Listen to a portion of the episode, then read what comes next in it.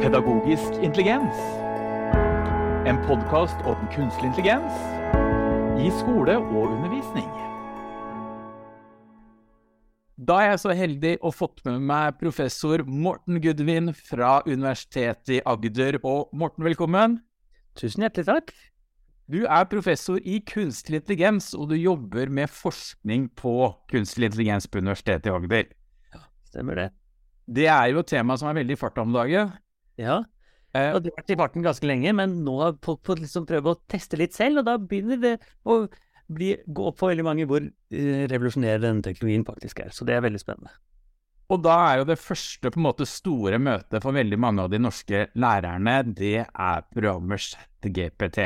Kan du enkelt prøve å forklare oss til noen som ikke kan det fra før, hva er ChatGPT, og hva er OpenAI som ligger bak? Så vi kan starte med det siste. OpenAI det er et initiativ, et firma på mange måter, som er startet av Elon Musk og flere andre, som har som mål å lage kunstig intelligens-tjenester. Altså programmer og dataprogrammer som, som oppfører seg smart, og som leverer sånne tjenester som å tegne bilder eller skrive tekst osv. Så, videre. så dette er rett og slett et firma som selger ting. Eh, I dette tilfellet så gir det det gratis med denne ChatGPT. Og ChatGPT det er en eh, chatbot-samtalerobot, som det ofte heter på norsk, eh, som man kan snakke med, spørre om hva som helst. Eh, og den bruker teknologien kunstig intelligens. De, veldig veldig mange av de chatbotene folk har møtt overalt på kommunenettsteder osv., har veldig lite intelligens i seg. Det betyr at de er forhåndsprogrammert. Absolutt alt det de svarer er bestemt på forhånd, og det fungerer sånn nesten. ChatGPT er bygget opp ved at de er trent opp i massive mengder data fra hele internett, på alt som finnes av tekst. Og så har den da fått litt grann poeng hver gang den eh, i treningsfasen, hver gang den svarer smart, og så får den litt minuspoeng hver gang den svarer litt dårlig. Svarer litt dårlig. Og sånn har den da trent igjen og igjen og igjen i nesten det uendelige, i hvert fall i veldig, veldig, veldig lang tid. Og så hver gang du gir, hver gang får litt mer poeng, så svarer smartere, så blir den smartere, smartere, smartere, smartere. Og siden OpenAI har store finansielle muskler, så kan de bare kjøre på med datakraft og kjøre på med data. Og så viser det seg da at den blir så smart at den til og med overrasker oss forskere hvor god den er til å gjøre alt mulig rart, sånn som å svare på eksamensbesvarelse, eksempel. Og du sier noe om hva som er styrkene og svakhetene med ChatGPT nå i starten av 2023. Ja, så det er en rekke styrker. Så det, det som er verdt å tenke seg, det er at dette er en språkmodell, det er ikke en informasjonsmodell. Og det betyr egentlig at den er trent opp for å snakke, for å holde en samtale.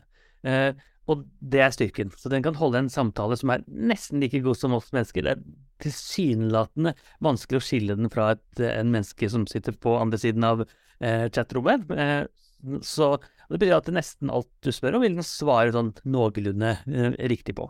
Eh, og, og, du kan til og med be den om å skrive om en tekst, du kan be den om å skrive eh, litt mer inspirerende, du kan skrive litt mer vitenskapelig. Nesten alt sånne ting kan man få den chat-GPT til å gjøre. Svakhetene er at den har en veldig løsaktig eh, forhold til sannhet, eh, for eksempel. Så det vil si at hvis vi spør ChatGPT om å skrive en tekst i vitenskapelig formål, eller eh, som en journalist, så spytter den ut noe som tilsynelatende ser riktig ut, men hvis man ettergår det i sømmene, så ser vi at dette er ikke nødvendigvis helt riktig.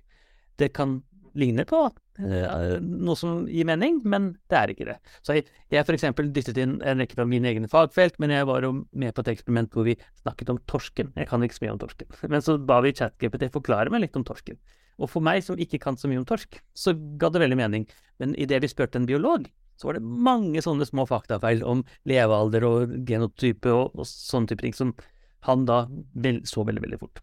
Så den store svakheten, en av de i hvert fall, er sannhet. Og det betyr at eh, sånne ting som referanser i en tekst, er den egentlig veldig, veldig dårlig på. Du kan be den dytte inn referanser, men de referansene som kommer, de er antageligvis bare sånn omtrentlig riktig, og ikke nødvendigvis sånn som vi vitenskapsfolk bruker referanser, for eksempel. Mange er nå redde for at elevene kan ta i bruk kunstig intelligens og levere inn gode besvarelser. Hvordan tror du slik bruk av kunstig intelligens vil påvirke vurderingspraksisen i norsk skole fremover? Ja, så Det er naturlig nok en utfordring, men for dette er jo et verktøy som kan brukes til juks, som du, som du nevner her. Eh, og, og, det er eh, noen verktøy som kan sjekke om du har brukt kunstig intelligens. Eh, altså er denne teksten skrevet av kunstig intelligens, men de er ikke så gode ennå. Så det er liksom et kamp om verktøyene. Klarer du å finne en kunstig intelligens som oppdager at du har skrevet med kunstig intelligens, eller har du ikke? Uh, eller er det skrevet med kunstig intelligens, og disse verktøyene kjemper litt mot hverandre? Så jeg tror at, uh, at det kommer til å endre totalt hvordan man setter på vurderingsnormer. For det å skrive en rapport, eller skrive et avsnitt, eller skrive en refleksjon, den type ting er egentlig ChatGPT veldig, veldig veldig god på. Men eh, også det betyr at man kan kanskje ha sånne oppgaver som muntlig eksamen, som da ChatGPT er veldig dårlig på, eller denne type vurderinger, som, som ikke nødvendigvis eh, teknologien er så god på enda. Eh, men så tenker jeg også at det, er ikke Grunnen til at vi vurderer, er jo å finne ut om studentene har eh, fulgt opp alle kravene til undervisningen. Og det er den vurderingen kan jo også skje på helt andre måter. Det kan jo skje underveis i semesteret for en, i hvert fall en videregående eller barneskoleelev, f.eks. Den troen på eksamen som skoleform er utdatert for lenge siden. også nå ser vi at en hjemmeeksamen kanskje ser ut til å være det samme. Og så tenker jeg da at uh, vi kan selvfølgelig se på juks som en uh, som utfordring, men det er, blir altfor alt for enkelt, for dette er jo teknologi som kan hjelpe elevene og hjelpe lærerne. Sånne ting som hvis man har uh, lese- og skrivevansker, kan man få enormt god hjelp til å skrive en tekst uten at man har den enorme utfordringen der med å stokke om ordene riktig, f.eks. Eller man kan skrive om en tekst litt mer eh, flytende. Man kan få hjelp til å skjønne hvilken feil er det jeg har i min engelsk tekst, eksempel, som man kan bruke kunstintelligens til. Jeg kan spørre, hvis jeg har eh, arabisk som morsmål og har flyttet til Norge for tre år siden, hvilken type utfordring er det jeg vanligvis har med språket? Og det er så helt enormt med, eh, med egenskaper som en chat-GPT egentlig har, som kan hjelpe elevene. Så jeg tenker jo at det er det spørsmålet man egentlig bør stille. Hva er det den teknologien kan gjøre for at elevene får en bedre hverdag, en bedre undervisningshverdag, enn det er å tenke på eh, bruk av som jukseformål. Men det blir jo en veldig rask omstilling da, for norsk skole, som eh, på en måte har mange kanskje ligget litt etter i forhold til tanker om vurdering for læring, og være mer summativ tenkende enn formativ tenkende i forhold til vurdering. Så blir jo det veldig en rask overgang, for plutselig er vurderingsformen din utdatert. Helt klart. Og, så, så, man må gjøre noen eh, krumspring der, kanskje. Og, og, det ser jeg som selvfølgelig en utfordring, men det er en utfordring på kort sikt. ikke sant? Vi lærere, eh, og jeg er jo lærer selv på universitetsnivå, bør jo kunne eh, være påpasselige med å gjøre sånne omstillinger. Vi har jo da eh, en teknologi som kan hjelpe oss til, og at man må løpe litt etter teknologien av og til, og se hva teknologien faktisk kan gjøre. Det ser jeg egentlig bare som, som noe positivt. For vi skylder elevene å gi den beste læringen vi kan. Og den beste læringen er ikke nødvendigvis å ha en eksamensform hvor en algoritme kan gjøre den for deg. Det beste er å måle hva studenten faktisk kan. Og da er jeg ikke så bekymret for at eh, noen lærere må endre på eksamensformen, f.eks. ChatGPT er jo bare den første møtet for mange norske lærere i bruk av kunstig intelligens i skolen. Hvilke muligheter ser du for deg kunstig intelligens kan få i norsk skole i fremtiden? Så der er det er nesten bare fantasien som setter grenser her. Det er enormt. Og vi, sånn on the top of my head, det jeg tenker på er eh, eh lese- og skrivehjelp kan kunstig hjelpe til med tilrettelegging av oppgaver er noe som vi har jobbet ganske mye med. Så det betyr at jeg som har den kompetansen, bør ha en annen oppgave enn naboen min som har en litt annen bakgrunn, f.eks. Eh, og den, og det, så det vil være en ting hvor Kustias kan være veldig eh, behjelpelig. Eh, læringsanalyse på en mye mer avansert nivå enn er i dag. ikke sant? Hvilke behov har denne eleven versus denne eleven? Eh, kan vi få det til med når man sitter på en app og jobber, skal man få den typen analyse. Eh, hjelp til lese- og skrivevansker er et eksempel. Folk med et ulikt morsmål enn norskt er et sånt eksempel hvor kunstig intelligens antakeligvis kommer til å gjøre det veldig, veldig Og vi ser jo kunstig intelligens overalt. Vi ser det i sosiale medier og TikTok overalt hvor de er rågode til å slå videoer for oss. Så hvorfor skal vi ikke den bruke den samme teknologien, f.eks. undervisning, til å eksempelvis tilrettelegge oppgaver? Hvis jeg har skjønt riktig nå, så har ChatGPT kommet foreløpig i, i versjon 3. Eh, kommer vi til å se en stor utvikling til neste versjon, versjon 4?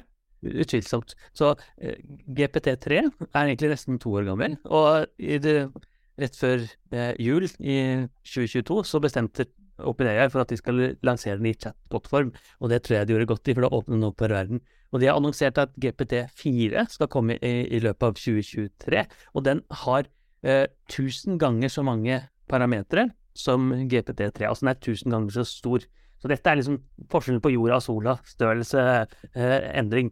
Og ja, det kommer til å bety veldig, veldig mye. For det vi har sett uh, mye av kunstig intelligens-forskningen egentlig handler om, det er at uh, jo mer data, jo mer datakraft, jo større modeller, jo større kunstig intelligens egentlig, jo, jo større hjerne, kan du godt si, kunstig hjerne, jo flinkere blir den. Og når man da ganger det med 1000, så er jeg helt sikker på at den kommer til å være veldig, veldig, veldig mye bedre enn den enkle ChatGPT som folk jobber med i dag. Mye av eh, det som er kanskje nytt for en del, det er jo den eh, I søkeverdenen i Google så ville kalt å ha god syntaks. Altså, man kan stille de riktige spørsmåla til Google. Eh, det må jo da bli en viktig kompetanse i fremtiden, det å kjøre i dialog og kunne kommunisere godt og, og på en måte fintune de svarene man får fra denne type programmer som ChatGPT. da.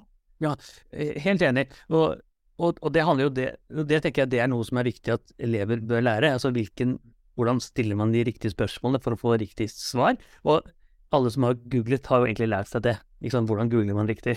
Mens her er det bare en annen type interface, et annet type grensesnitt man egentlig snakker med. Ja, og det er til og med en egen det har kommet et eget yrke eh, som heter prompt engineer, som handler om akkurat det. Du kan stille spørsmål til personen som har som jobb prompt engineer, så kan han eller hun skrive om det sånn at du får et riktig svar fra ChatGPT eller fra disse tegneverktøyene, Dali osv. Eh, eh, jeg tror dette er et yrke som er i ferd med å få, som er bare en eh, midlertidig. Det faller ut fort, fordi folk kommer til å lære seg hvordan å faktisk bruke dette og, og stille riktige svar. Sånn som vi snakket om tidligere. Eh, stille et spørsmål sånn at jeg ikke nødvendigvis får referansen, men får inspirasjon til å finne referanse riktig, f.eks. Siste spørsmålet. Mange lærere sitter nå og er eh, vet ikke helt hva de skal mene, hva de skal si, og så tenker de Finnes det noen mulighet til å kontrollere om denne oppgaven er skrevet av et menneske eller ChatGPT?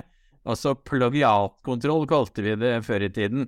Eh, Finnes det noe tilsvarende for å kontrollere om disse tekstene er laget av eleven selv eller av kunstig intelligens?